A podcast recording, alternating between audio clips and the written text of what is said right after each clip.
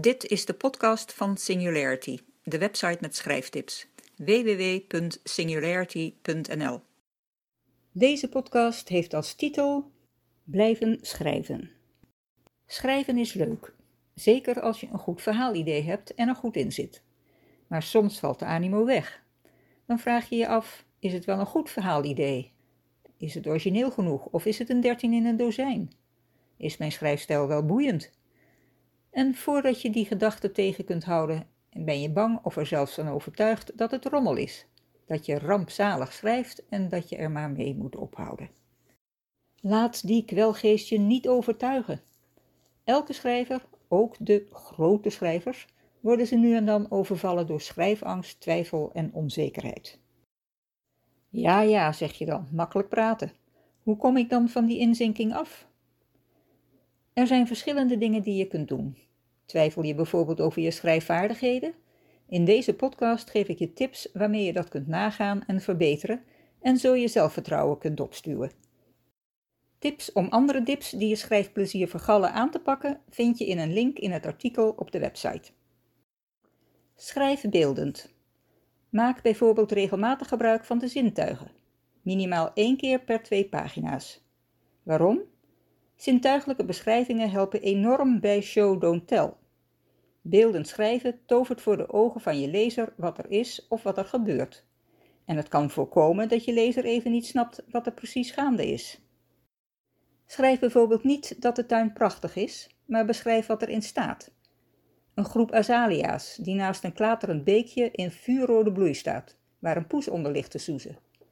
Een oude stenen muur begroeid met bloeiende klimplanten en druiven, aangrenzend aan een vijver met waterlelies en bladeren waar kikkers zitten te zonnebaden en happen naar de grote libellen met blauwe en groene lijven.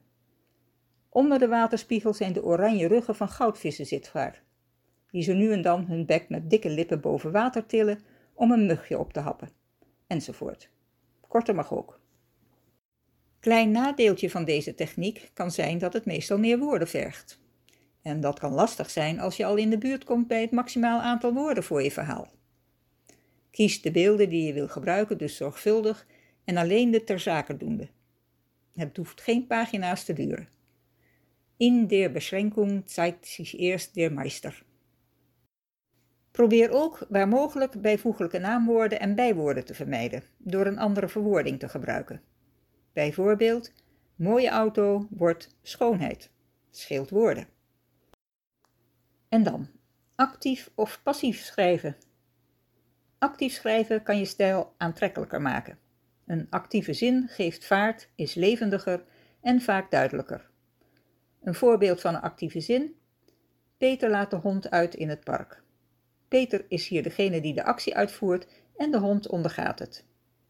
In de passieve vorm krijg je: de hond wordt in het park uitgelaten door Peter. Hierin zit hooguit indirecte actie het is statischer. Als de handelende persoon uit de passieve zin verdwijnt, bijvoorbeeld de hond wordt in het park uitgelaten, is het onduidelijk wie nou eigenlijk iets met die hond doet. Kijk uit, je zou haast denken dat passieve zinnen fout zijn. Maar dat is niet altijd zo. Als je de nadruk wil leggen op wat een personage ondergaat, is een passieve zin beter. En net als het afwisselen van korte en langere zinnen, kan een afwisseling van actieve en passieve zinnen voor een lekker ritme zorgen en je tekst sprankelender maken. En let op, vergeet niet dat regels er zijn om je te helpen en niet om je te dwingen. Krampachtig alles volgens de voorschriften volgen vernietigt creativiteit. Zie deze tips dus vooral als mogelijke hulpjes als je wat vastzit bij het schrijven van je boek. Ik ben aan het einde gekomen van deze podcast. Tot de volgende! Oh ja, vond je het leuk? Heb je er wat aan? Maak me dan blij door het te delen. Dankjewel.